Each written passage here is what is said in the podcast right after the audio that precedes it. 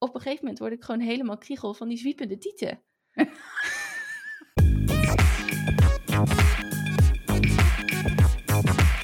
Hey, welkom. Leuk dat je weer luistert naar de Startug. Het is En we hebben weer een, open, een hysterische opening, jongens. aflevering 107. En, maar ik moet wel zeggen dat we deze keer eh, de Energizer van Tony Robbins hebben gedaan. En dat het nu Ja. gewoon helemaal goed ging. Zeker. Oefening, baard, kunst. Ja, en vooral zeg maar het feit dat mijn koptelefoon nog opgeladen was en ik dus niet met een snoer aan de stekkerdoos zat. Dat helpt Nee. ook in all honesty. zeker. Je bent hartstikke goed voorbereid. En eh, het lijkt wel de tractatie. Ja, nou, Die was ook niet gek worden. voorbereid. Ja, precies. Maar eh, gelukkig, dames en heren, nee, lieve luisteraars moet ik zeggen, het was weer, het is toch de Gaia die we allemaal kennen, want tot hoe laat ben je met de verjaardagstaart bezig geweest? Tot vier uur s'nachts. Maar hoe hou je, het is toch, hoe, oké, we- oké, ik snap dat het lang duurt, want het, echt, guys, het was een regenboogtaart met zes lagen en weet ik het allemaal, dus het is natuurlijk weer van top-notch kwaliteit. Maar, dus ik snap dat je heel veel lagen moet bakken, maar hoe hou je jezelf wakker als je dan moet wachten als het in de oven staat? Wat doe je dan? Dan ben ik tomaten aan het snijden en eh, zeg maar Ach. andere preps aan, aan het doen voor de verjaardag. Ja, en ehm, ja, nee, dat. En vergeet niet, hè, als we het hebben over de chronotypes, daar hebben we het eerder over gehad. Ik ben de wolf, ik ben Oh. s s'avonds op mijn best. Dus Ja. ja. het is voor mij ook niet, eh, ik, ik hoef geen moeite te doen om mijn ogen open te houden of zo, zeg maar, tot vier uur s'nachts. Het is bij mij eerder, ik moet moeite doen om mijn ogen voor vier uur s'nachts te sluiten. nee, nou, zo erg is het nou ook weer niet. Hoewel ik wel periodes heb gehad dat dat echt zo was. Ja, Maar ehm, ja, nee. eh, en ik heb toen zaterdag wel tot een uurtje of tien of zo uitgeslapen. Dus ik heb gewoon wel zes uurtjes geslapen. Maar ja, dus eh, dat. Het- ik, ik was aan het preppen voor, eh, voor de, den verjaardag. ja, nou, het was een hartstikke leuke verjaardag. Echt Ja, weer, ik moet- eh, Ja, Ja. ik moet heel eerlijk zeggen. oh, we zitten lekker te- door elkaar heen te lullen. Dat hebben wij nooit. Sorry, maak je verhaal af. we zijn helemaal niet in sync. Oh my Nee. gosh, nee, oké, goed. Het was echt een goede, gezellige verjaardag en eh, lekker weer erbij, maar heel relaxed. En nu jij. Ja, nou, dat beaam ik als host. Ja, Nee, maar eh, weet ik het, de laatste ging eh, om, eh, nou wat zal het zijn, kwart over elf, half twaalf of zo weg. En ehm Frank en ik keken elkaar ook aan en we hadden zoiets van, nou, bijna een beetje beduust. Alsof we echt daarvoor altijd kutverjaardagen hadden. Dat is ook echt niet waar of zo. Maar het is wel al twee, dik twee jaar geleden dat we het laatste feestje hebben gevierd. Nou, nee, niet dik. Ja, precies twee jaar geleden, denk ik. Milo's verjaardag. Nou, nee, langer nee, toen was al in lockdown. Toen zaten we in de dikke vette lockdown. Dus ja. al 2,5 jaar geleden dat we, ik denk dat Zeno 2019, of eh, sorry, 2020 het laatste feestje is geweest wat we hebben gegeven. Dus dat is Ja. januari 2020 geweest. Ja, Dus we hadden al heel lang geen feestje gevierd. Eh, maar we waren echt bijna dat we beduust en verbaasd waren. Dit was echt gewoon, jongens, dit, dit, dit was gewoon gezellig. ja, Het ja was maar gewoon een leuk feestje. Ja. het is ook inderdaad niet, niet dat, dat je dan verwacht dat de mensen de, elkaar naar haren vliegen of zo. Maar het is gewoon Nee. weer voor het eerst. Nou, je, je, je slijt er wel gelijk helemaal eh, lekker in. Ja, dat vond ik ook wel. En eh, ik bemerkte bij mezelf dat het hele. ehm, want ik heb echt nog wel nagedacht over van ja, hoe ga je dan met elkaar om qua feliciteren? En doen we dat nog? Of vragen we dan handen wassen? En hoe zit dat dan? Nou ja, eh, ik moet eerlijk zeggen, ik ben helemaal geen eh, lijfelijk type met andere mensen. Maar ja, dat ging ook vanzelf weer. Al Ja. moet ik zeggen dat ik sowieso wel van de handen geven ben. En jou, eh, nee, ik heb jou trouwens niet eens gekust, maar Nee, maar wij hebben ook besloten dat Ja. wij dat onze vriendschap is dat stadium voorbij. Weet Ja, je, dat we elkaar Ja. gedag zoenen en hallo zoenen. Dat, Maar goed, dat, we are beyond that. Ja, precies. Maar felicitatie vind ik een geval apart. Dus dat is gewoon een, de felicitatiekussen. Dus ik heb Frank Ja. inderdaad wel een kussen gegeven. En jou zag ik in het voorbijgaan en heb ik even gezwaaid.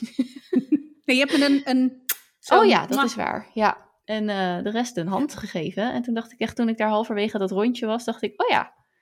En, en het was ook weer als vanouds, want eh Louis eh, die kroop op mijn arm, die moest ik tillen. En dus twee jaar geleden was hij twee en een stukje lichter. en nu dacht ik, oh ja, zo, zat dat. Dat je dan langs mensen wurmt met zo'n, nou in dit geval kleuter op de arm. Hi, ja. Ja. Hi, dit is de achterkant van Louis. hij is er ook. Maar dat, dat bleek later ook een andere reden te hebben, want hij werd halverwege de avond ziek. Dus nou ja, goed. Ja, en dat is nog wel interessant hoor, want eh, mijn zwager kwam hier en mijn nichtje, die heeft dus hetzelfde eh, eh, gehad. lijkt. Want hij is echt een soort van kortademig. En heel snel door zijn energie heen. Dus dan speelt hij Ja. even en dan, hey, weet je wel. Dus ehm, ja, het zal ook wel weer een of ander heersend virusje zijn. Ach ja, zolang het de apenpokken maar niet zijn. Nee, zullen we het daar even over hebben? Ik heb echt vandaag drie tellen op nos.nl gezeten. En toen zag ik echt alweer meldplichten, quarantaines als je mogelijk. En toen dacht ik echt, weet je, eh, ik ben, I'm out. Ik, I don't know. Wat, wat is het? Hoe, wa- wat moeten we ermee? Wat moet ik ermee? Nou, je moet Help er me. echt helemaal. Nee, je moet er volgens mij echt helemaal niks mee. Ik heb wel iets meer. Nou, ik heb in ieder geval dat artikel uitgelezen, laat ik het zo zeggen. Maar ook echt met. Nou, de moed zakte me echt in mijn schoenen. Dat ik denk: oh, really? Gaan we nu het volgende krijgen? En hier is de quarantaine, mind you, drie weken. Als je nauw contact hebt gehad met iemand die besmet blijkt, omdat het tussen de 5 en 21 dagen kan duren voordat je symptomen eh, krijgt van, deze, van dit virus, wat ik heb begrepen. Maar goed, eh, zoals ten doel gebruikelijke is er nog maar heel weinig bekend. Het is een virus wat eh, eigenlijk voornamelijk in, wil zeggen, West-Afrika voorkomt. Het is ook een, god, zoonische ziekte. Hoe noem Nou, ik, de term zal ik nu vast verkeerd, eh, maar het is in ieder geval een ziekte die van dier op mens overgaat. En het is volgens mij ooit eh, vanuit de apen naar de mens. Vandaar dus ook het woord, Ja. eh, de, de terminologie apenpokken.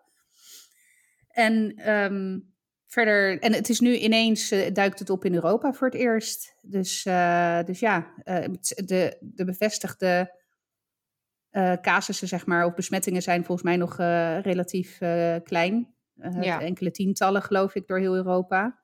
Ze verwachten wel, de WHO verwacht wel dat er meer meldingen komen. Zeker omdat het nu als A-ziekte bestempeld is. En dat betekent inderdaad dat artsen een meldplicht hebben bij RIVM, GGD, in ieder geval bij de instanties wanneer zij een besmetting vaststellen. En dat betekent dus dat wanneer je in contact bent geweest met iemand die besmet lijkt of blijkt te zijn, dat je dan drie weken in isolatie mag. Top. Ah, Maar goed, het, het schijnt ook in ieder geval van wat er van bekend is ook niet super overdraaglijk. Te, of tenminste, hè, niet Het zoals eh, corona dat, je, Nee, dat ik nee. hier hoest en dat eh, vijf buren verder zeg maar eh, door een windvlaagje corona hebben. E- enigszins gechargeerd. Maar ook zorgverleners die dus langer dan 15 minuten op minder dan alve- anderhalve meter afstand van een patiënt zijn geweest. Ook voor hun geldt nu de, de quarantaine. zo, Nou, ik weet niet of het plicht is, maar in ieder geval het quarantaineverzoek. ja, dus eh, en het schijnt ook dat het. En toen dacht, vond ik het ook alweer meteen stigmatiserend. Maar goed, het schijnt dat, de me, dat in ieder geval een, een groot deel van de gevallen eh, te herleiden zijn aan eh, mannelijk seksueel contact of hè, tussen mannen. Dus seksueel contact tussen mannen. Waardoor ik, nou ja, ik, ik had gelijk alweer zoiets van, oh ja, krijgen we nu zeg maar het nieuwe HIV en Ja. AIDS-stempel, zeg maar, weet je wel. En, eh, en volgens mij kenmerkt de ziekte zich door, nou ja, eh, algehele malaise, dus ik geloof hoofdpijn, koorts, eh, misselijkheid, weet ik eigenlijk niet, maar in ieder geval hè, je, gewoon je Ja. rottig voelen. En uiteindelijk komen daar dan dus blaasjes, de bekende pokken. Eh, en in die fase ben je volgens mij ook besmettelijk. En het kan ook volgens mij best lang duren voordat die pokken dan de kortjes eraf vallen en je dan dus niet meer besmettelijk bent. Dus ja, dat is in een notendop wat ik heb gelezen. Ja, Ja, en, en ik heb zoiets van, ja, weet je, ik zie het wel. Ja, wat, ik, ik, ja. ja, nee, maar Ik was sowieso, als ik mensen met, met en dat is eigenlijk heel, heel, eh, ook stigmatiserend, of in ieder geval, ik besef me nu dat ik daar dus ook die bias eh, Mhm. heb. Mensen met huidaandoeningen of zweren of dat soort dingen. En ik heb het niet over een beetje eczeem in je, in je elleboog hoor. Maar ik weet bijvoorbeeld een, eh, een, iemand waarmee ik samenwerkte. Niet een collega hoor, maar bij een van mijn klanten die had psoriasis. Ehm, en het, het zag er gewoon altijd niet echt fris uit. En daar heb je dan meteen al een bepaald gevoel bij. En, en nu ook weer dat ik, nou, terwijl ik er net zei van joh, ik sowieso als ik mensen met huidproblemen zie, dan heb, ben ik niet geneigd om ze te knuffelen. En dan denk ik gelijk, jezus, wat een stigmatiserende. Nou, wat, wat, ik, wat ik me kan voorstellen is dat er ooit eens een opmerking over gemaakt is. Of dat je iets geleerd hebt. Of dat je, weet ik veel, vroeger mochten we toch ook niet aan onze waterpokken krabbelen. Weet je wel, iets, dat is dan Ja. besmettelijk en kijk uit. En als Ja, je en een huisje aanraakt, Ja. dan is het gelijk, zit het gelijk over je hele gezicht. En dat, dat, dus, dus dat is ook wel een beetje de vibe die ik, die ik ook wel heb meegekregen. Ja, dus ik kan me voorstellen dat dat dan zoiets tot gevolg heb, heeft. Maar ja, het is inderdaad, het lijkt me voor de ontvangende partij natuurlijk wel gewoon reet irritant. En gewoon niet zo leuk. Maar ik, ik weet het, in, ja, ik weet niet of ik dat echt heb. Niet, niet heel bewust inderdaad, dat ik, nee. Maar ja, maar goed, um, het, is dus een beetje, het, nou ja, het klinkt als iets wat, uh, wat je liever niet oploopt. Nee, maar nou ja, wel goed. ook niet, niet, niet de, nou ja, goed, ik, maar ik merkte toen ik dat soort termen alweer zag, dat ik echt zo'n, mijn mur geslagen gevoel, wat ik had over corona, dat dat echt weer, um, nou, daar ging het strikje wel weer vanaf, ja, van hier is het weer. Ja, nou, dat had ik ook. Ja, ja, dat is echt denk van, oh, la, laat me met rust, joh. Ja, nou, en ik ben ook wel heel benieuwd hoe het zich dan in Europa heeft kunnen vestigen. Want als je dan kijkt naar nou ja, de, de, de grotere issues in de wereld, waardoor ook dit soort virussen, en dat wordt al jaren geroepen, hè, dat door de bevolkingsdichtheid, door klimaatverandering, door nou ja, dat dit soort virussen, of in ieder geval hè, dat, er, dat er een veel grotere kans, kans is op, op virussen die een pandemisch niveau. Uh... Ja, en ook de manier waarop we met dieren omgaan. Precies, precies. Ja. Nou ja, inderdaad. Ja, dus ik ben dan ook wel weer ze allemaal veel... maar bij elkaar. En uh, ja, Ja. dat is gewoon niet goed. Dat is Nee. voor mensen niet goed, maar ook voor andere levende wezens gewoon geen goede levensomgeving. dus Ja. ja. daar zit hem ook wel, eh, daar zit hem ook een deel van in. Oké, nou ja, we gaan het wel Ja. zien, hè? We zullen het wel weer Ja, eh, nou inderdaad. merken. Hey, ik wou nog eventjes, ik heb, eh, dat heb ik vorige week vergeten te zeggen, maar we hadden een reactie gehad. Of ik had eigenlijk een reactie Oh. gehad van luisteraar Natasja. Dat heb ik jou ook, heb ik jou dat al verteld? Dat weet ik niet. Over het stiefmoederschap. Oh, Nee. nee, dat heb je me niet ja, nee, verteld. eh, Na- Natasja, die, ik heb met haar gebeld toen om wat informatie over onze podcast in te winnen. En zij appte mij het volgende. Oh, mijn muis werkt niet zo goed. Even kijken. Ik hou het kort. eh, e- vol emotie en met tranen achter mijn ogen de sportles in. Omdat jouw verhaal over Oh. stiefmoederschap zo binnenkomt. Zo enorm herkenbaar. Dat wilde ik even laten weten. Emotie, maar wel fijn om herkenning te horen. Wordt weinig over gepraat. Dus dat vond ik heel stoer van haar, dat ze me dat zo direct Ja. eh, teruggaf. En ehm, ik heb eigenlijk niet gevraagd of ik het mocht delen, maar bij deze Natas, ik hoop dat het goed is. Ehm, maar wat, wat het, ik vond het sowieso heel erg lief dat ze, dat ze het teruggaf. Maar wat het ook met mij deed, was weer, zeg maar, de, de, de, de overtuiging dat, dat het stiefmoederschap zo divers is. Het is Ja. bij, bij niemand hetzelfde. En, en ehm, ik heb zelf, omdat het, nou ja, naar mijn idee goed gaat en ook voornamelijk met eh, eh, de andere moeder, heb ik niet zo erg het gevoel dat ik zeg maar herkenning of, of, of iemand iets of iemand of herkenning heel veel nodig heb. Maar ik kan me heel goed voorstellen dat dat voor heel, in heel veel gevallen zo is. En dat, daar- weet je wel, door dat berichtje ging ik daar gewoon nog steeds veel meer over nadenken. Van stel dat je nou in een situatie zit waarin het allemaal gewoon een stuk minder rooskleurig gaat als bij mij nu. Dan, het kan ook echt wel eenzaam zijn. En als je dan iets herkent of een gevoel herkent, dan denk ik wel dat dat heel erg ehm, ja, troostend of zo kan zijn. Ja, dat denk ik ook. Dat denk ik ook. Ja, ik, ik heb natuurlijk zelf niet de ervaring als stiefouder. Ehm, ik denk, laat ik- wat mij opviel, hè, want ik ging voor de nieuwsbrief op een gegeven moment op zoek naar artikelen of blogs of whatever, hè, die, ik, die ik dan eh, Ja. eh, bij jouw verhaal kon staven. Nou, ik ben denk ik nog nooit zo lang bezig geweest met een, een passend artikel vinden, omdat er heel erg bij alles wat ik eh, vond op, eh, op internet, lag heel erg de nadruk op eh, ik hou niet genoeg van mijn stiefkinderen. Of ik, hè, ik, ik word als stiefouder buitengesloten. Of heel erg de, de negatieve kant. En dat is natuurlijk ook wat we jaren mee hebben gekregen. Hè. Het was altijd de boze stiefmoeder in tekenfilms. En Ja. weet je, dat... Dus dat, dat viel mij heel erg op toen ik, eh, toen ik op zoek ging. eh, dat ik dacht, oh, je, ik moest echt moeite doen om een enigszins positief of in ieder geval vanuit het perspectief van liefde in plaats van vanuit het perspectief van strijd of eh, problemen of nou ja. Ja, of, of, of toch een vorm van slachtofferrol. Ja. wat ik, als, Ja. ik, als ik mijn toe in. dat doe ik al een hele tijd dus niet meer. Maar toen der tijd mijn toe erin dipte, was het heel erg.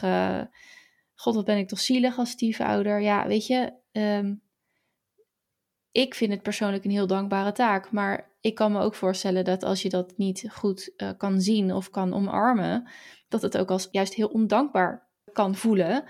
Uh, want ja, weet je, als je, als je som, het is maar, het is, ja, het is maar vanaf welke kant je het wil bekijken.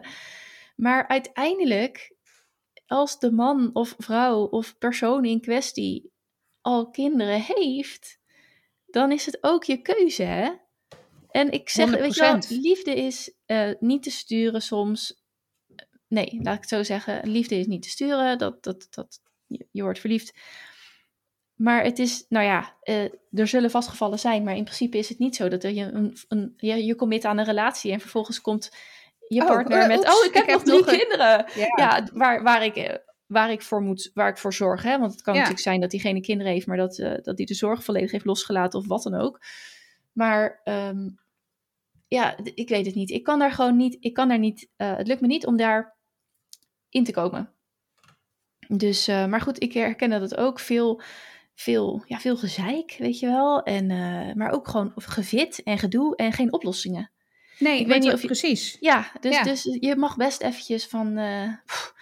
En het is, het is natuurlijk ook gewoon heel emotioneel. En ook voor de, de andere ouders, de, de, de biologische ouders, zeg maar. Uh, dus het kan zijn dat je van alles overkomt of van alles je over je heen komt en niks wat je doet is goed. Maar ja, het, is, het, is, je, ja, ja. Het, het, is je positie. En jij kiest je reactie daarop. Dus ja, eh, ja. Nou ja, goed. Ik, uh, ik ging er gewoon over nadenken. En wat ik toen de tijd ook lastig vond, was inderdaad, om, nee niet inderdaad, was om perspectieven vanuit stiefkinderen te vinden. En die heb ik wel gevonden bij uh, Villa Pinedo. Dat is een uh, stichting, denk ik, voor kinderen van gescheiden ouders. En mm daar was, volgens mij kwam er daar een boek vandaan met gewoon verhalen vanuit stiefkinderen. Of, nou ja, nee, laat ik zo zeggen, kinderen van gescheiden ouders. En dat heb ik ja. wel, uh, daar heb ik wel echt wat aan gehad. Maar um, nou, dat nog even als een soort van nabrander. Ik wilde hem trouwens gelijk even doorpakken. Uh, even iets heel korts voor, maar ik kreeg, nou ja, het zat in mijn spam. Ik weet niet of ik hem vandaag kreeg, maar ik kreeg een mailtje van de groeimeter. En, de groeimeter? Uh, ja, ik, dat, is, dat is een soort mailinglijst van, de, van de JGZ, dus van het consultatiebureau. En ja, daar heb ik me niet voor uitgeschreven. Tja, ik weet niet Ik heb goed, hem volgens mij nooit gehad. Nou ja, je krijgt, bij mij zit hij in mijn spam. Uh, maar je oh, krijgt nou dat dus blijkbaar nou, 18 mei. Dus dat zal, uh, hij zal gedacht hebben van uh, meestal is 7,5. Dus nu krijg je deze, weet je wel? Dus, mm -hmm. nou ja, hij staat dus blijkbaar geregistreerd ergens nog. En dat gaat over, dat krijg je een soort nieuwsbrief afgestemd op de leeftijd van je kind. Van wat is okay. er belangrijk, wat kan er ongeveer gebeuren. En it's fine, het is, het is best oké. Okay. Maar wat ik dus als laatste stukje ging het over, grote mond. Uh, en ik dacht, ik draag er even iets uit voor en ik kijk even wat het met jou doet. Dus het gaat inderdaad, uh, geeft je kind steeds vaker een grote mond. Hoe verander je dit? Vaak is het zo dat dit gedrag blijft bestaan omdat kinderen winst, tussen haakjes aandacht, halen uit de reactie van volwassenen. Maak duidelijk dat je geen grote mond accepteert. Punt. Gaat hij of zij, niet heel erg inclusief, maar gaat hij of zij door met zeuren, geef dan aan dat je er verder niet meer op ingaat. Dan begint het negeren. Niet van je kind zelf, maar van dit stukje gedrag. Nou, zie je? Dan begint het negeren. Ik zat ook gelijk, sorry? Dan wordt het daarna wordt het wel genuanceerd. Van niet van je kind zelf, maar van dit stukje gedrag. Maar ik zat echt tegen het plafond. Dan begint het negeren. Alsof zo van ja. Oh, jij, doet nu even, jij past nu even niet in het stramien van gedrag wat ik gewenst vind en dus negeer ik het. Ja, zo van... Ja, van, en toen, het, het, maar de hele... Negeren is al een woord wat triggert, maar ook mm -hmm. de zinsopbouw.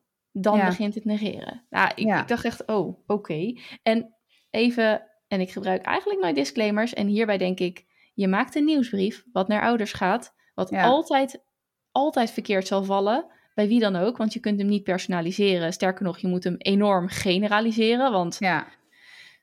Maar ik dacht echt, oh, als je het over ondankbare taken hebt.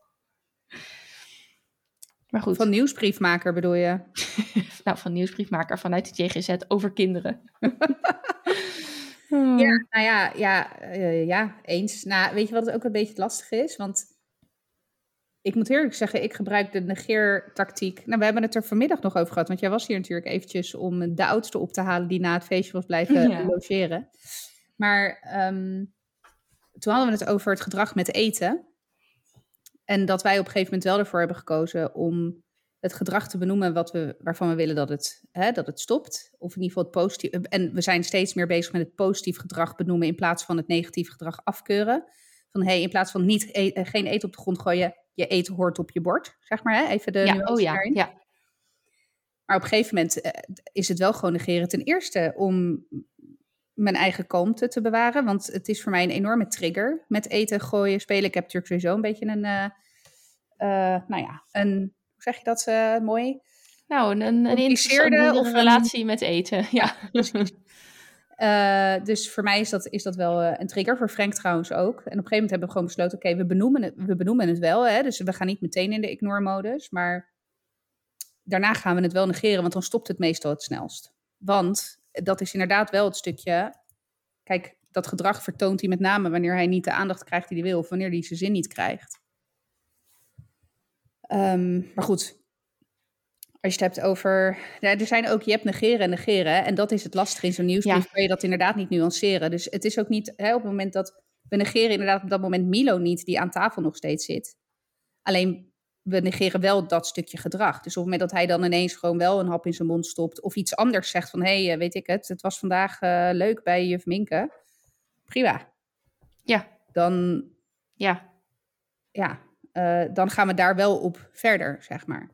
Maar in zo'n nieuwsbrief zou het... Nou ja, goed, mijn, ja, dat zien jullie dan niet, luisteraars. Maar ik geloof dat mijn gezicht boekdelen... Ja, ja dus dat, dat, sprak. Ja, nou zo keek ik dus ook. En eh, eh, het is goed dat het zinnetje daarna kwam hoor. Maar Ja. ja. dat is denk ik ook wat ik bedoel. Je hebt negeren en negeren. En Ja, ja, een kind negeren ja, is volgens mij nooit goed. Dus ik hoop dat het... eh, nou, anyway, het, het mag, het- ik mag het bij mezelf houden.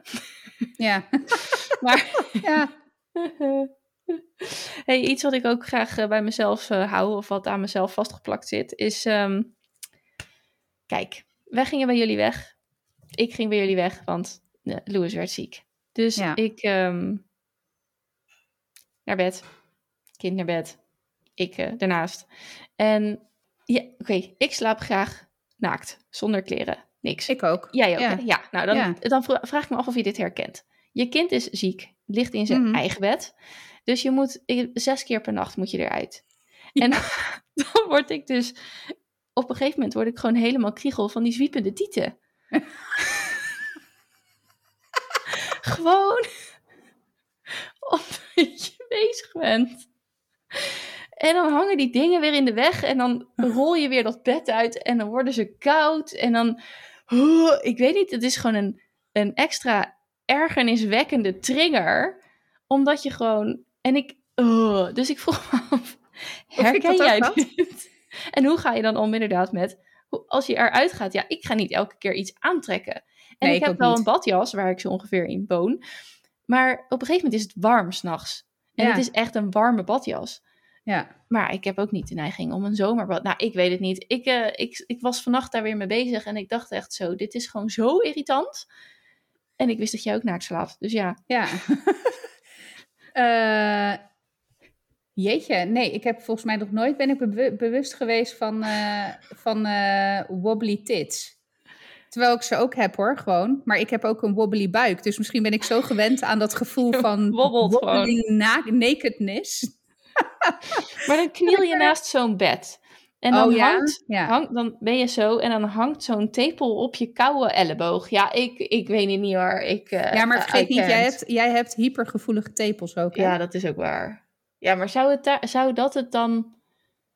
Nou ja, het zijn gewoon van die flappen die de, op dat moment... Ik vind het, maar zo, dat heb ik trouwens soms ook alleen al als ik me gewoon omdraai met slapen. Dat ik denk, ik wou ze graag ze gewoon... Da, nou ja, hè, ik ben er blij mee. Maar af en toe denk ik in mijn frustratie... Ik wou dat ik ze gewoon even gewoon naast mijn bed kon neerzetten. Zodat ik me gewoon, hè, gewoon rondjes om mijn as kon draaien in bed. Zonder dat ik ergens last van heb. Zonder dat ze blijven hangen.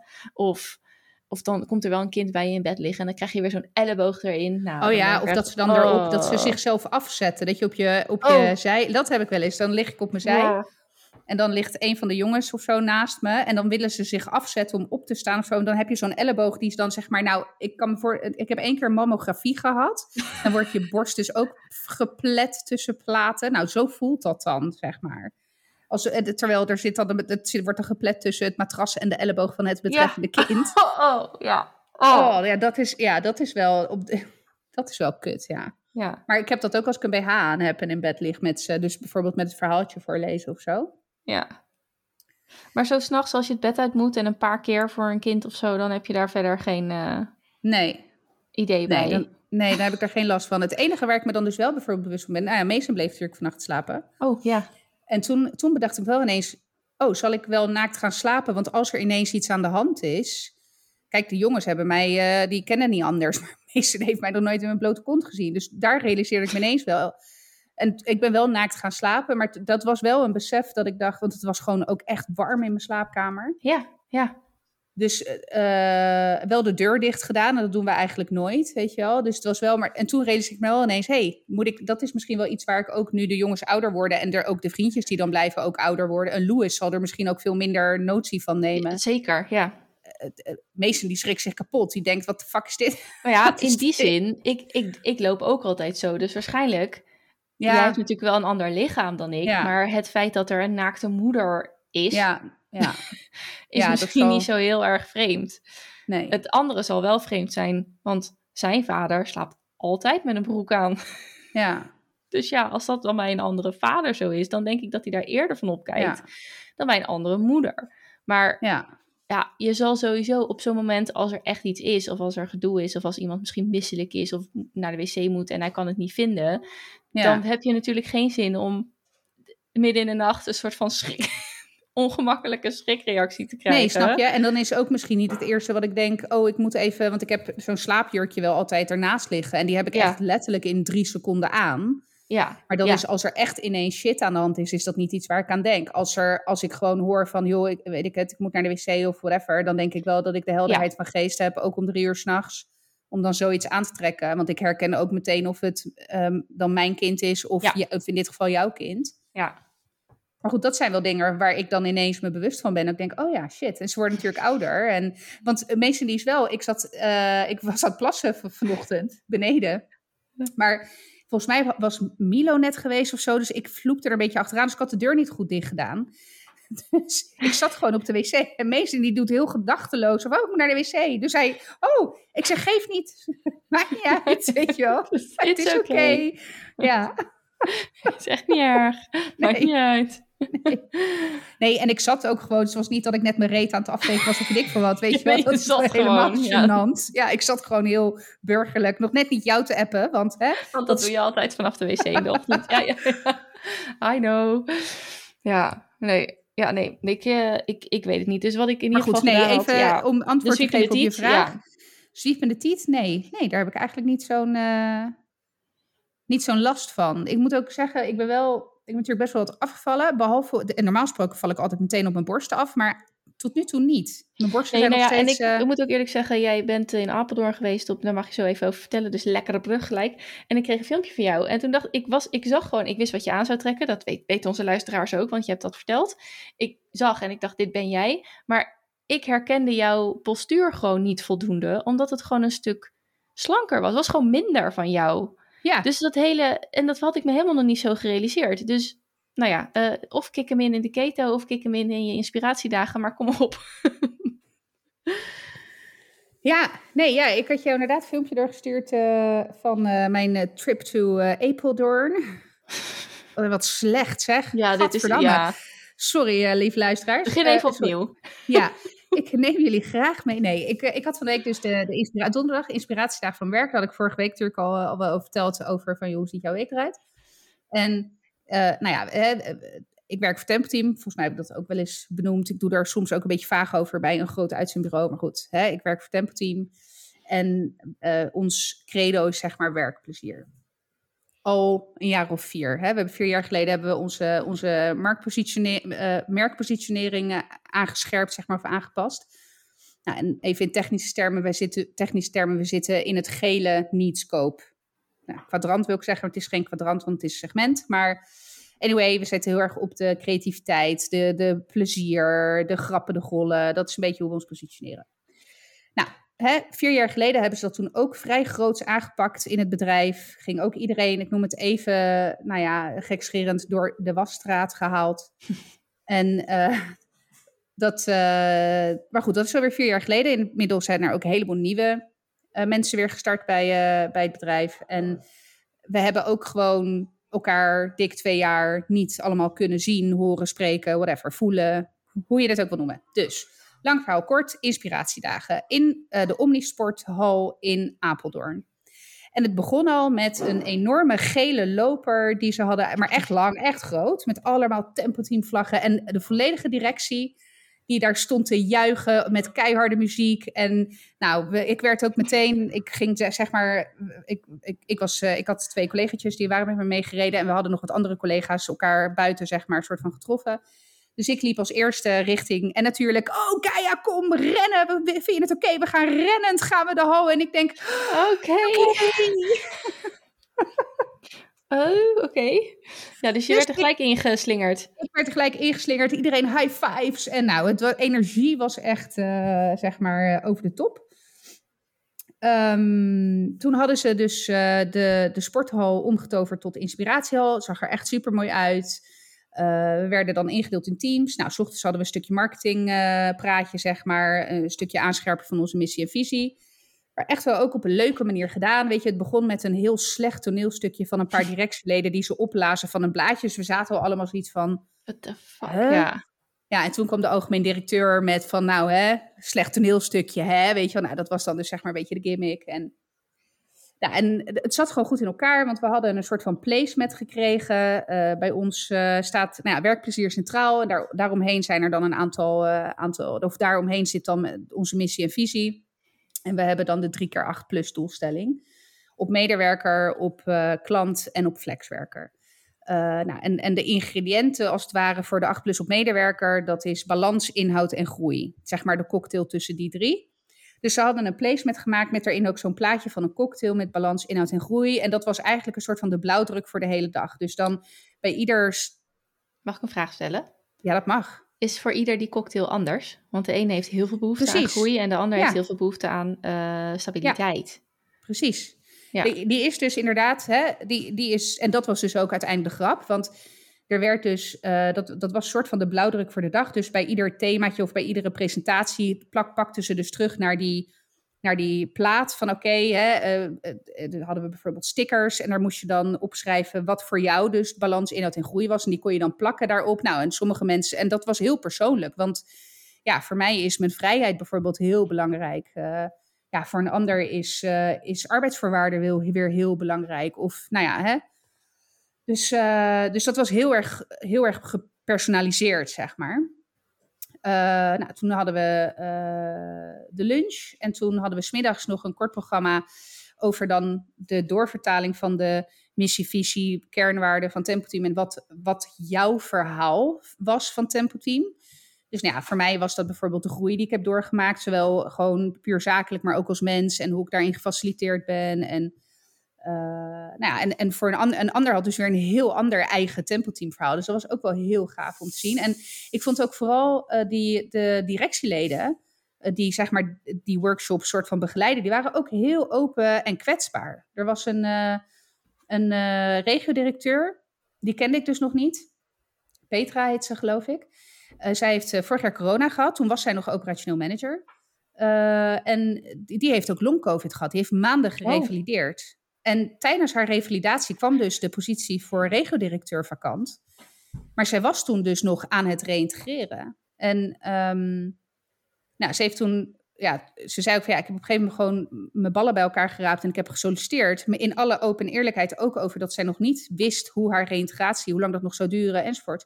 Ja, en zij, is wel die, zij heeft wel die positie eh, gekregen en ze is gereïntegreerd ook binnen uh, of tenminste, ze is benoemd nog binnen haar reïntegratietraject. Dus voor haar was dat natuurlijk, als je het hebt over wat Tempo Team voor haar heeft betekend in haar leven, als je het kijkt naar die 8 plus. Ja, dat was even hè, een voorbeeld van een verhaal. Maar ik vond die openheid en kwetsbaarheid ook echt wel heel inspirerend.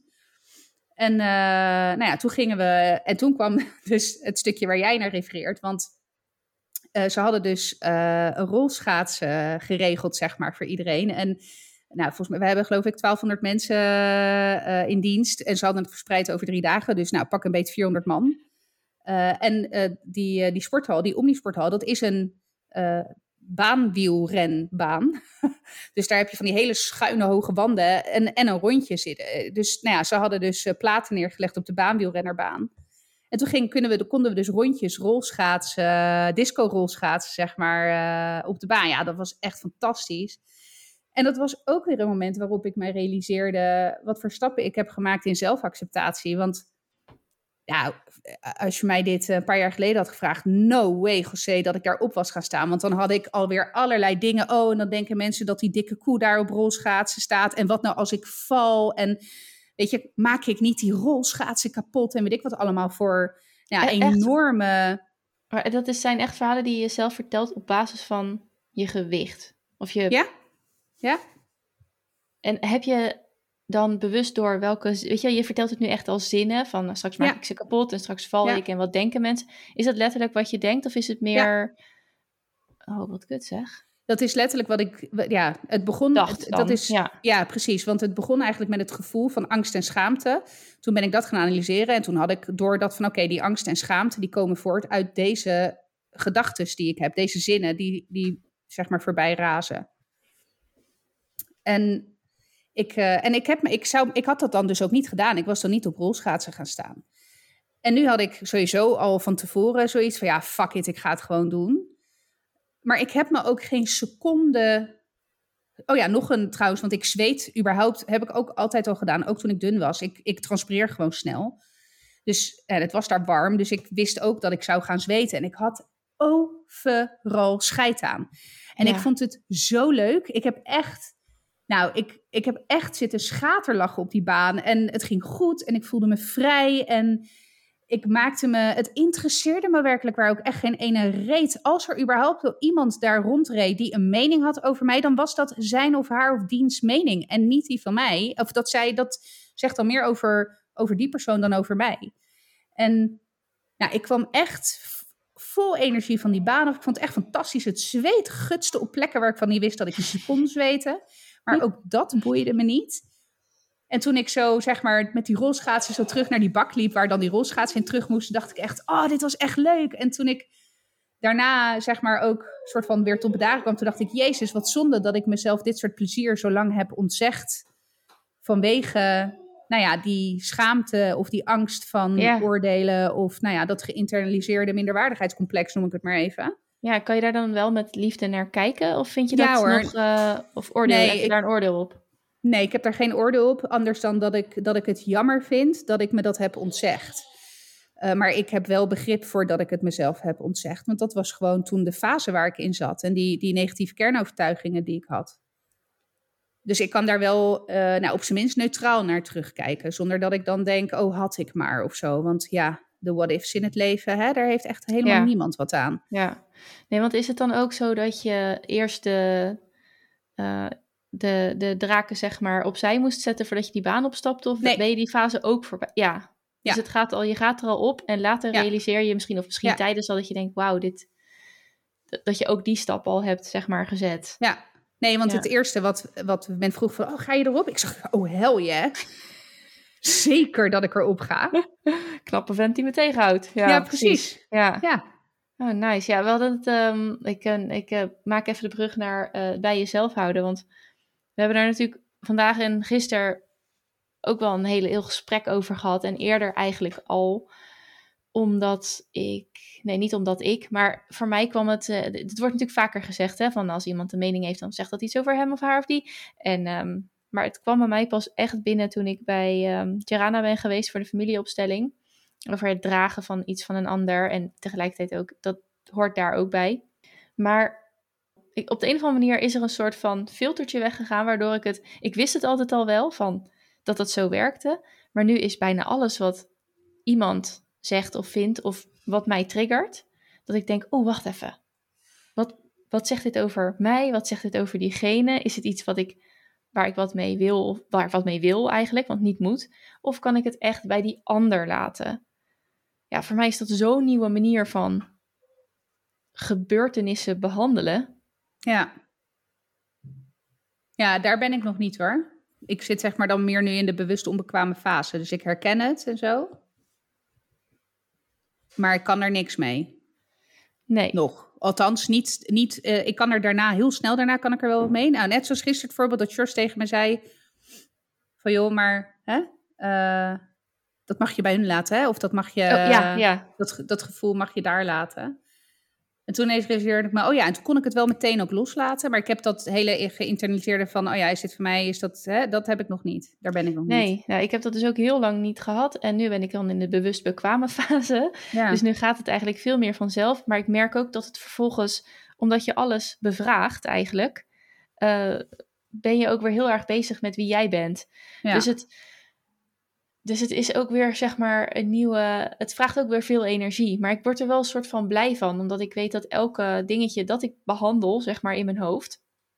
Daar ben ik ook geen uren mee bezig of zo. Maar dat, ik, dat dat weer een soort van opgeruimd is.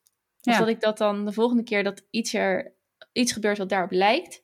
Dan kan ik dat ook weer. Nou, dat past dus bij dit stukje. En dat, dan hoef ik daar niet meer over na te denken. Dan kan ik dat gelijk zo opruimen. Dus dat, uh, ja, ik word, ben er wel blij van. En ik ben er ook echt zo opgewekt over als ik dat bij mezelf bemerk. Maar het, uh, het vergt ook wel weer gelijk wel weer nadenken over wie, wie je bent en wat je dan wilt. Ja, het is, ja, het klinkt misschien vrij abstract. Ik weet ook niet zo goed of we het nu goed genoeg uitleggen voor de luisteraar. Maar nee, eigenlijk ben ik er wel van overtuigd dat jij als luisteraar ons ook snapt hierin. Want ja, we trekken jou ook aan met onze podcast. je bent ook dertiger, denk ik. En dan ga je natuurlijk aan alles twijfelen, blijkbaar in deze levensfase. Want hey, je bent waar je ongeveer zou, uh, waar je wilde zijn. Uh, huisje, boompje, beestje, baantje, uh, kindje, whatever. En dan ineens denk je, ja, en dan? ja, und jetzt? Und jetzt? Dus nou, over naar een nieuw topic. Ja, Nee, wat ik nog oh, heb opgeschreven. Nee, nee wat ik nog heb opgeschreven op mijn uh, notitiedingetje. Jij zei die verhalen van iedereen, die persoonlijke verhalen van Tempo Team. Ja. Hoe, hoe, hoe tof zou dat zijn om daar een interne podcast over te maken? Doen ze dat al? Nee, uh, er is, er is uh, ooit, heeft volgens mij een onderdeel een poging gewaagd. Ik heb het een keer, uh, nou, ik heb er niet over nagedacht, maar echt al wel, ik denk, toen wij, toen wij, ik denk, toen wij net begonnen waren, dat ik dacht, hé, hey, dit, dit zou best wel eens leuk kunnen zijn om intern uh, iets mee te doen. Maar toen was ik en nog niet in een positie om dat te kunnen pitchen. En uh, ja, zoals zoveel goede ideeën. Hè? Ja, zeker, zeker. En, uh, maar ik, moest, ik werd echt getriggerd door dat verhaal. Petra zei ja. je? Ja, ja. zo'n verhaal van Petra. Wat het dan met jou doet en wat het dan eventueel met anderen doet. Ja, het is toch geweldig ja, dus om, die, wel om die... Een heel goed idee trouwens. ja. Dus dat, dat ehm, maar nee, het is er nog niet. En dit zou ook wel een mooi, een mooi iets zijn. Want er wordt best wel veel geschreven door onze directieleden op het intranet. En ook wel persoonlijke verhalen. Maar ja, dat is vaak best wel een lab tekst. En ik merk dat ik ook vaak afhaak. Omdat ik denk, ja... Terwijl ik echt wel een tekstliefhebber ben, hè? een geschreven tekstliefhebber. Dus het is ook niet zo dat, dat, ik, uh, dat ik lezen haat of zo. Uh, maar een podcast is natuurlijk een, een wat passievere manier. Of aan de ene kant passiever in die zin, een gebruiker hoeft niet... Uh, uh, het kost minder moeite, denk ik. Aan de andere kant heel intiem, omdat je, nou ja, dat heb je ook wel eens gezegd. Je zit letterlijk in de trommelvlies, zeg maar, van je luisteraar. Ik bedoel, heel veel intiemer dan dat krijg je het niet. Dus... Ja, maar het claimt, het claimt je tijd niet. Het claimt niet je volledige ja, aandacht. Dat. En dat, dat ja. scheelt. Ja, ja, maar ik denk dat als je zo'n... Ja, ik ga er gelijk over. Dat gaat helemaal aan, joh. Want ik denk dat als je op deze manier die verhalen kan vertellen... Het is niet alleen... Het vergroot niet alleen het tempo-teamgevoel. Nee. Maar het vergroot ook de verbinding tussen wij zijn allemaal, dus hetzelfde, weet je, we zijn allemaal tempo-teamers met ons eigen verhaal. Ja. In plaats van, jij bent een, ik, ik weet niet, ik noem even een, eh, een operationeel medewerker en jij bent een regiodirecteur. Nee. Nee, dat is, dat, die, vers, die verschillen, als die er al zijn of worden gevoeld, die worden dan echt, uh, nou die, die verbindingen worden gewoon sterker. Dus um, Ja, ik zie. Oh, maar, nou goed. Uh, ik zou zeggen, pitch het. Uh, advies, podcast Nou, adviesbureau. of, uh, ik wou net zeggen, Diana ik ga, Mortari, die, ik, ga, ik ga het idee zelf niet pitchen. Ik ga zeggen, je moet Eileen Avenaar bellen. Oh, heel goed. Ja, ik heb tegenwoordig podcast strategie sessies. En ik heb vandaag geleerd dat dat eigenlijk VIP-dagen heten. Dus nou, VIP-dagen, ja. ja, het klinkt ook wel gezellig. Dus ik heb een VIP-dag voor wie er over podcaststrategieën wil nadenken met mij. Dus helemaal leuk. Nou, helemaal, dat zou ik nou zeggen. Dat zou toch Dat zou zijn. wel echt hilarisch zijn, ja. Ja, ja. geweldig. Ja. Uh, maar om, om ook nog even terug te komen op de um, stukjes van de directie. Op het moment dat je denkt, als een, als een directielid zich, weet ik veel, binnen acht minuten weet te uiten. En je denkt, ga ik acht minuten luisteren of ga ik dit stuk lezen? Kijk, voor, Ja. som- voor heel veel mensen is denk ik het hele idee van, nou, ik heb nog wel tien minuutjes voor mijn Ja. volgende afspraak. Ik zet even die podcast aan van eh, Ja. De directielid A, B of C. Eh, in plaats van dat ze denken, oh, klik ze open, oh, Ja. context. Ja, nou, twee hele leuke Tempo-team eh, podcast ideeën. Ik zeg, gaan we doen. En Nog iets over werk. Jij, jij hebt tegen mij gezegd, eh, nou, je riep in ieder geval het woord menstruatieverlof. Ja. Ja, ik, eh, en ik moet heel eerlijk zeggen, en eigenlijk, en ik wilde het er niet over hebben, maar ik ga heel kort zeggen, want ik heb dit onderwerp opgepikt bij eh, eh, Vandaag in Site, want ze zijn weer terug. Oké. Vonden ze er iets van? Van menstruatieverlof. Nou, daar heb ik dus niet naar geluisterd, want ze zitten echt mega in me irriteer. Ja. Überhaupt het hele fenomeen zit in me irriteer. Daarom heb ik besloten om daar niet op in te gaan in de podcast. Dat is gewoon een punt. Ik cancel ze wel bij deze. Nee, eh, maar eh, dus ik heb niet geluisterd naar het standpunt, maar ik hoorde dat ze het Ja. erover hadden. En het onderwerp triggerde me wel, dus toen ben ik daarover gaan lezen. En nou, er, er is nu dus wat, wat eh, reuring ontstaan rondom het fenomeen menstruatieverlof. En dat is gebeurd naar aanleiding van, ik geloof dat Spanje een wetgeving nu heeft aangenomen waarin dat geregeld gaat worden. Het hoe of het wat, keine blasse aanum. Of no hablo una idea of zoiets. Maar,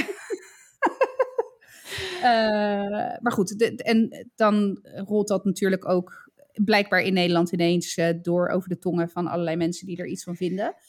En toen ging ik ook bij mezelf te raden, wat vind ik daarvan, van het fenomeen menstruatieverlof. En toen kwam ik tot de ontdekking dat ik het lastig vond om me hier een mening over te uiten. Want ehm, we hebben het natuurlijk over gelijke kansen, gelijkwaardigheid tussen mannen en vrouwen. Ehm, maar de pro-menstruatieverloffers, zeg maar, en dat zijn toch ook wel vaak mensen met een, een iets wat feministische inslag, zeg maar, die hebben het nu ineens over het feit dat, ja, maar mannen en vrouwen zijn ook heel anders. En dus dat kon ik niet helemaal rijmen met de gelijkwaardigheidsprincipe, zeg maar. Nu ligt het veel genuanceerder dan, dan dat hoor, dat realiseer ik me ook. Dus dat was mijn primaire gevoel. Ehm, en ook een beetje, nou jeetje, wat een onzin eigenlijk, gevoelsmatig. En toen ging ik erover nadenken. Ik heb zelf natuurlijk ook twee jaar een hele heftige menstruatie gehad. Maar zo heftig dat ik dus niet eens inderdaad boodschappen kon doen. Of niet eens normaal in mijn bed kon slapen. Dus toen zei ik ook, ja, ik heb wel altijd kunnen werken omdat ik een zittend beroep had. Wat ik thuis kon uitoefenen met twee handdoeken tussen mijn benen. Ehm, maar als ik, nou, eh, weet ik het, magazijnmedewerker was geweest. Of verpleegkundige of whatever, hè, een beroep wat ik niet thuis had kunnen uitoefenen. Dan had ik ook drie, vier dagen per maand dus niet kunnen werken. Nu wordt er ook gezegd, joh, in Nederland is er een, een heel goed ehm, ziekteverlof, of eh, sorry, ziekteverzuimsysteem. Hè? Dus de, de vrouwen die zulke heftige menstruatieklachten hebben, kunnen zich ook gewoon tussen haakjes ziek Ja, melden. precies. Ja. Ja, alleen ik ben werkgever. Ik weet hoe dat werkt. Hè? Ik bedoel, op het moment dat, er, dat iemand zich structureel iedere maand ziek meldt, dan op een gegeven moment worden er vragen gesteld. En eh, vrouwen hebben al een wat kwetsbaardere positie op de arbeidsmarkt. En op het moment dat het puntje bij paaltje komt en er moeten contractbeslissingen worden genomen, dan wordt er wel degelijk altijd ook gekeken naar het verzuim. eh, de verzuimhistorie. Ja. En dan niet inhoudelijk, maar wel naar het aantal ziekmeldingen, de duur van ziekmeldingen en nou ja, de aard van de ziekmeldingen officieel niet. Officieus gebeurt dat ook echt wel. Dus ik denk ook dat het probleem veel. Het, het, laat ik het zo zeggen, het probleem wordt niet opgelost, denk ik, door menstruatieverlof. Het zit hem veel dieper dan dat. Het hele taboe rondom menstruatie moet aangepakt worden. Ja, ja. Nou, dat ben ik zeker met je eens. En ik probeer hier in ieder geval op mijn eigen vierkante meter eh, dat zo goed mogelijk zo open mogelijk te zijn, hè? Uh, Ja. ongesteld, ehm, in dit jongenshuis. Maar ja, nee, ik, ik, vind, ik, ik vind hem ook, ik kan hem, ik merk dat ik ook gedurende jouw verhaal, zeg maar, ook een- keer van links en dan weer naar rechts schuif en dan weer van voor naar achter. Ik weet het ook niet zo goed, maar ik realiseer me eh, ook heel goed dat ik ook vanuit een positie praat waarin ik totaal niet kan meepraten überhaupt over een zware menstruatie die mij, die mij ook maar enigszins belemmert. Ja, nu, omdat ik geen tampons, tampons meer draag, kan ik niet zwemmen tijdens mijn menstruatie. De eerste keer in mijn leven dat ik belemmerd word door mijn menstruatie. Ja, Terwijl, ja, ik heb, ik heb niet letterlijk een zwempartij af hoeven zeggen, zeg maar nog. Nee. Dus ook dat is nog hypothetisch. ja. Maar, eh, en ik hou niet eens van zwemmen. Dus ja, dat Nee. valt dan ook nog wel, hè? Het valt ook weer Ja. mooi samen. Maar ik, ehm, dus ik praat vanuit een positie waarin ik gewoon, daar, ik weet dat niet. En dan is het ook nog zo dat ook ik heb altijd zittende beroepen gehad. Eh, ik heb ook altijd zittende beroep, die, de kantoorberoepen was ook altijd beroepen die ik leuk vond. Dus het is niet dat ik hè, mijn roeping hoefde op te geven voor vanwege dit of vanwege iets anders. Maar ik vind inderdaad verpleegkundige of zo een heel goed voorbeeld daarvan. ja. Dus ik merk echt aan mezelf dat ik, dat ik beperkt word in mijn eigen, door mijn eigen be- beperkte kader, zeg maar. Dat ik denk van ja, ik durf hier durf tussen aanhalingstekens, ik kan, ik wil hier ook niet zoveel over zeggen, omdat ik, wat ik wel kan als medepersoon met een, met een baarmoeder die me gelukkig prijst met een lichte menstruatie, denk ik, nou ja, als het andere echt belemmert, dan wil ik daar best wel, ik, ik hoef niet, ja, ik zal, ik zal niet, hoe zeg je dat? Eh, ik zal me niet heel snel achtergesteld voelen als iemand dit nodig zou hebben. Nee, ik ook niet. Ik totaal niet. Echt. En Nee. ik, ik ken ook, eh, ik ken ook eh, mensen die endometriose hebben, die daar echt doodziek van zijn. Oh maar ja, echt ja. doodziek. Hè? Dat is Ja. niet een kwestie van, oh, ik heb menstruatiekramp, ik neem een ibuprofennetje. Die, die liggen echt dagen op de bank te creperen, echt. Ja, Dat is gewoon echt een hele heftige ziekte. Het is ook trouwens, eh, er wordt ook gelukkig steeds meer bekend over, over endometriose. Maar, eh, en dat wordt, werd ook altijd afgedaan als menstruatieklachten. Ja, eh, en ik, ik kan me ook voorstellen dat je. En daarbij is ook nog bewezen dat vrouwen een veel grotere drempel ervaren voor een ziekmelding. Dus. eh, want je, je hoorde de film ook wel. Nou, er waren ook best wel wat mannen, geloof ik, die in de bres sprongen ervoor. Maar er waren ook natuurlijk mannen die zeiden: ja, en wij dan? Dan denk ik ook altijd: ach, jezus. man. ja, ja, ja. Dat is hetzelfde als All Lives Matter, inderdaad. Juist. Ja, ja, not all men. Ja, oké, nee, inderdaad, niet alle mannen. Maar hey, Ja. kunnen we even focussen op het probleem? Ja, inderdaad. En ik ehm, moest ook denken aan, toen je net zei endometriose, ik ben, heb daar ook niet veel eh, kennis van of mensen die ik ken die het hebben. Maar het klinkt inderdaad niet alsof het een menstruatieklacht is. Nee, nee, nee. Endometriose het is gewoon een chronische ziekte Ja, eigenlijk. het is echt Ja. heel heftig. Ja, En ehm, ja, het, waar, waar voor mij het probleem zit, wat ze dan nu soort van proberen op te lossen door menstruatieverlof. Ik vraag me dan namelijk ook af, wat gaat er dan aan vooraf? Moet je dan een briefje hebben van een arts of gynaecoloog die zegt dat jouw menstruatie als heftig bestempeld wordt en dat Ja, je dus is dat? blijven Ja. of zo? is dat dan er een... een kwalificatie aan vast dan? Of een weet, weet ik veel.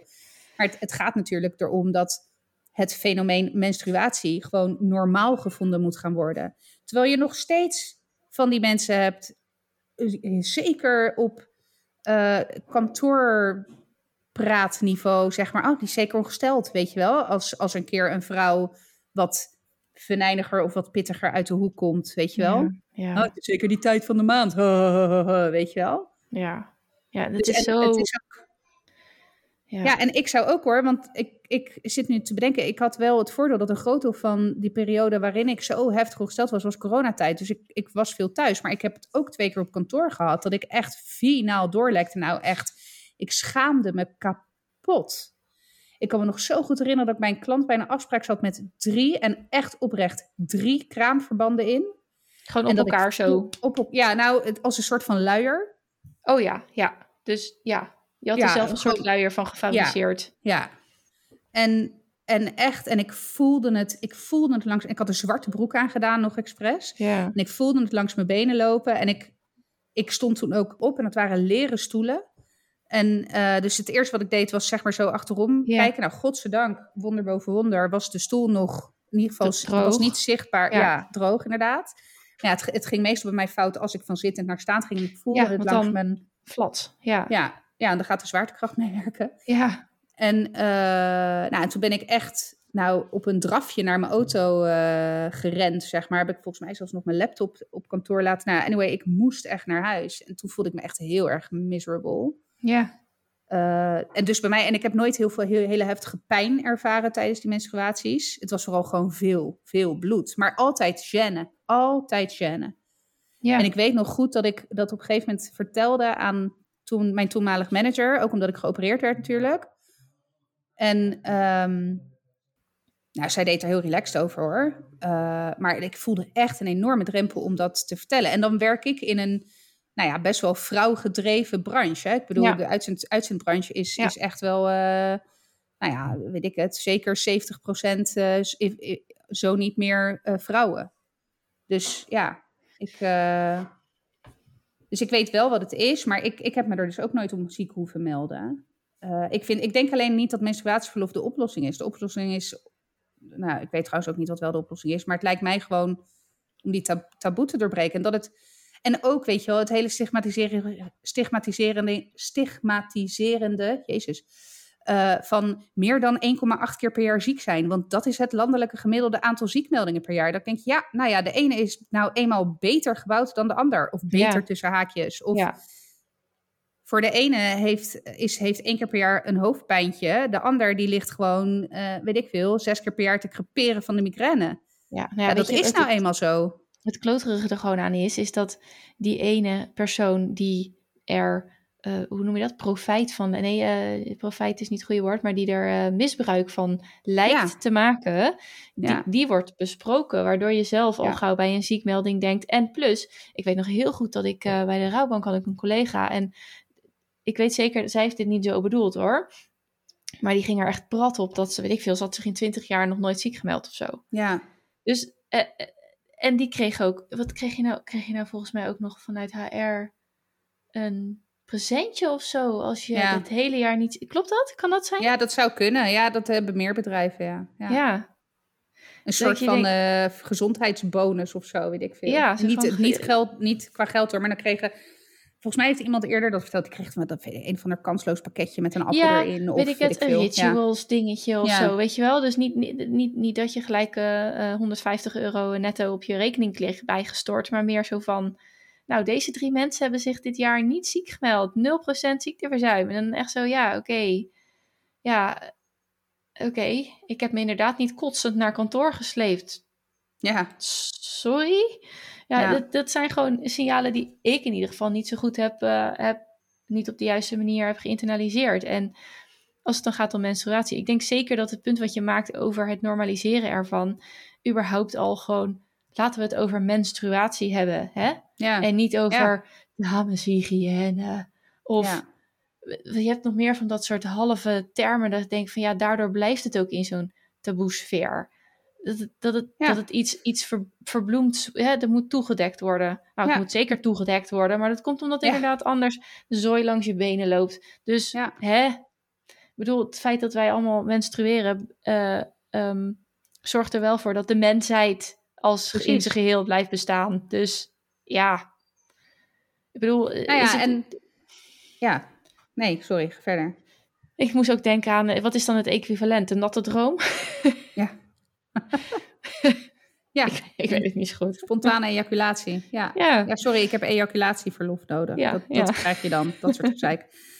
Nee, ja, en ik, weet je wat ik, wel aan zat te denken? Weet je, als je, wat je als werkgever natuurlijk wel zou kunnen doen, is uh, gratis maandverband en tampons uh, ja. stellen in dameswc's, weet je wel? Nou ja, daar eens mee. Niet alleen in dameswc's.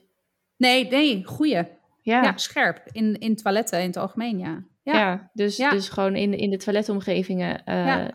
zodat, Scherp. maar dan is het ook, dan is het, dat is ook weer een stuk zichtbaarheid hè, voor ja. de menstruatieproducten en de menstruatie als het, het, iets van het dagelijks leven van ons allemaal. Als mens. Ja. En prullenbakjes. Prullenbakjes. Ja, prullenbakjes. Zeker. Alsjeblieft. Prullenbakjes. Ja. Weet je dat ik echt uh, al die jaren dat ik tampons gebruikte gewoon heb doorgespoeld. En toen kwam ik, kreeg ik dus later had ik, dus, wist ik echt oprecht niet. Dat mag helemaal niet. Nee, of mag, mag, mag dus nou ja, het, ja. Je moet het gewoon, gewoon inpakken en in zo'n... ik dacht echt, in zo'n oh, hygiënebak, ja. Die OB minis. Ik dacht, ja, Ik gebruik ook proppen wc-papier. Ik ben een propper. Ben jij een maar, propper, eh, ja? Ik ben een Oh, ik propper, ben een ja. vouwer. Oh. oh. Ja, tegenstelling. Weer een tegenstelling tussen ons. Ja. Nee, ik, eh, ik ben helemaal voor. En ik denk wel dat dat een deel van... Nou ja, de, het gesprek erover zal dan sowieso een andere... Ja, misschien een wat, een wat inhoudelijkere vorm aannemen of zo. En, en het gekkige, inderdaad, wie ben ik ongesteld? Of weet ik het wat. Of het, het, het ongemakkelijke zal er vast iets meer van afgaan. Oké, nou, maar interessant. Menstruatieverlof. Ja, ik, eh, Ja. ik vond het wel leuk dit gesprek. Want ik heb er ook nog niet zo'n mening over. En volgens mij jij ook niet. Dus we hebben Nee, het wel nee, een ik beetje... heb er. Nee. nee. Maar dat is Dus- misschien ook wel goed dat er over gesproken wordt. De- Misschien is dat dan gewoon wel voor nu even de mening die ik heb. Van ik ben blij dat het een onderwerp van gesprek is. Ja. Ehm, ja, let's normalize periods. Ja. Oké. Zullen we overgaan naar de tips? Ja, Ik heb een dat is tip. Een luistertip. Ik heb hem vandaag ontdekt. Dus ik ben nog. Ik ben begonnen in de eerste aflevering. Het is een podcast. En het heet The School of Greatness. En ik werd er ook door getriggerd omdat die man Lewis House Hmm. heet. Lewis House. en eh, ik heb me ook nog niet verdiept in deze, eh, deze, dit heerschap. Anyway, ik ging kijken. Hij heeft dus 1270 podcastafleveringen of zoiets. Ja, Jezus, hoe lang duurt één aflevering? Want dat is nou natuurlijk wel ook een uur. Ja, ik heb dus Oh, een beetje gescrolld. güte. een uur, een uur en drie minuten, eh, anderhalf uur. eh. Dus ze zijn ook wel gewoon flink. Het, zijn niet het is er niet alleen maar snippets. Dus ik, Nee, eh, precies. ja, want ik- soms zie je wel eens duizend afleveringen, maar er zijn de afleveringen van tien minuten. Dan denk ik, Ja. ja, dan hebben wij ook al de duizend. Dan zijn wij de duizend ook al gepasseerd, zeg maar. Ja, nee, oké, maar helder. Dus eh, 1200 zoveel van een uur. Oké. Ja, nou ja, ik weet dus niet, ik ben niet verder gescrolld dan 1200, want toen kwam ik al iets tegen wat ik interessant vond. En dat was dus een gesprek met Ken Honda en die had ik een paar weken geleden als tip van Happy Money.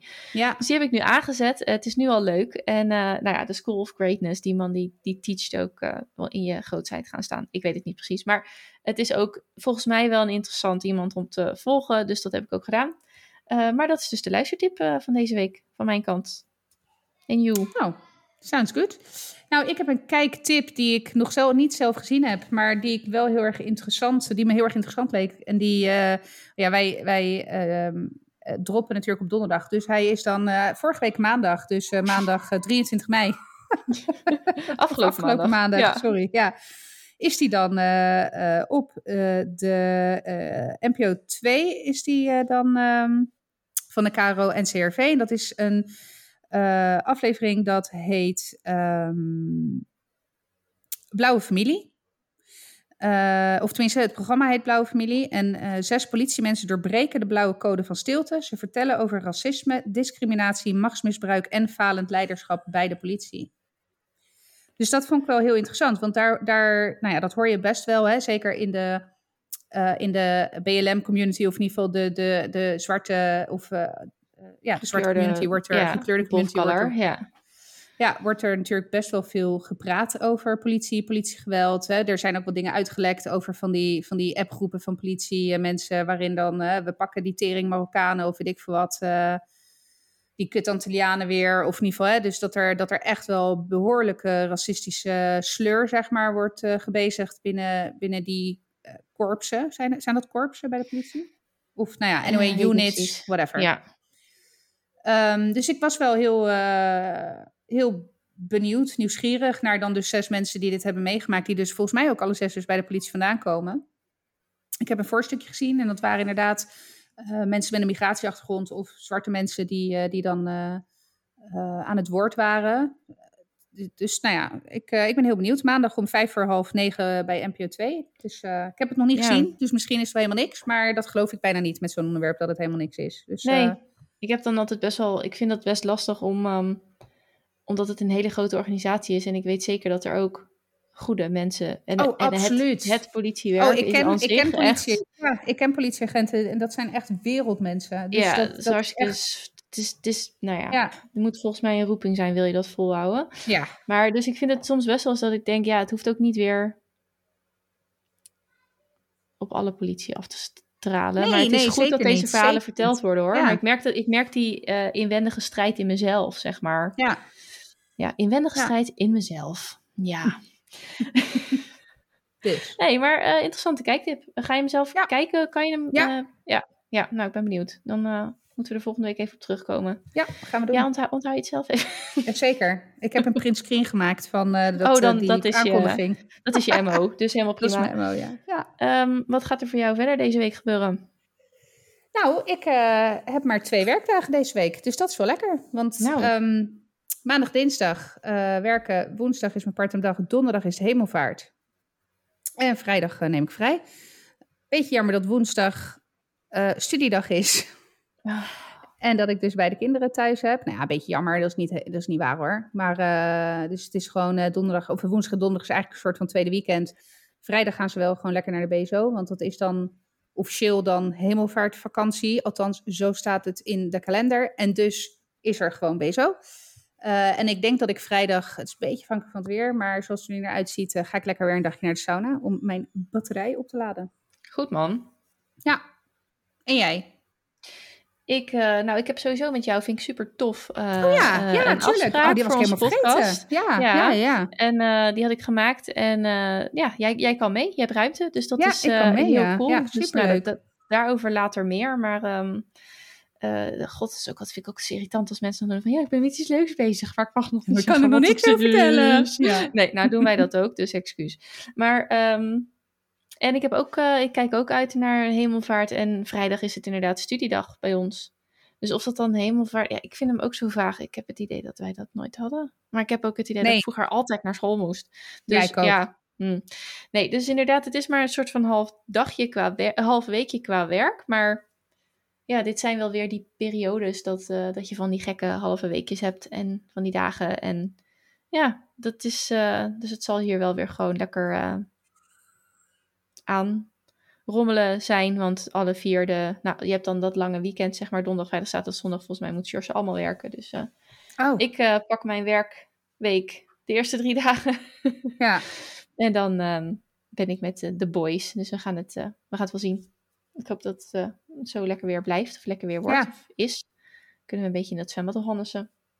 Dus ja, oké. Okay, gaan we hem afsluiten. Yes. Ja, lieve mensen, bedankt voor het luisteren. Schrijf je nog even in op de nieuwsbrief. Dan krijg je er weer eentje in je mailbox met uh, de leuke linkjes en foto's. En uh, als je de, de, de uitbloeien van mijn Monstera-blad wil volgen, dan kan dat ook. Want daar maak ik elke week een foto van. Hey, uh, meld je even aan via de link in de show notes of op ditis30.mailchimpsites.com. Je kunt ons ook altijd even een mailtje sturen als je wil reageren op ditis30.gmail.com. En um, heb je Instagram, dan we zijn niet uh, proactief actief op het account. Maar ik moet wel zeggen dat ik af en toe gewoon een kijkje neem. Dus als je daar een DM'tje stuurt, dan kan ik die ook lezen. En nou, Gaia vast ook, ga ik leren. Komt helemaal goed, maar ik denk dat je over het algemeen met mij te maken krijgt. Dus, um, dus hey, dit is misschien wel leuk om ook even te doen. Heel erg bedankt voor het luisteren en jullie horen ons volgende week weer. Doei doeg! Doei!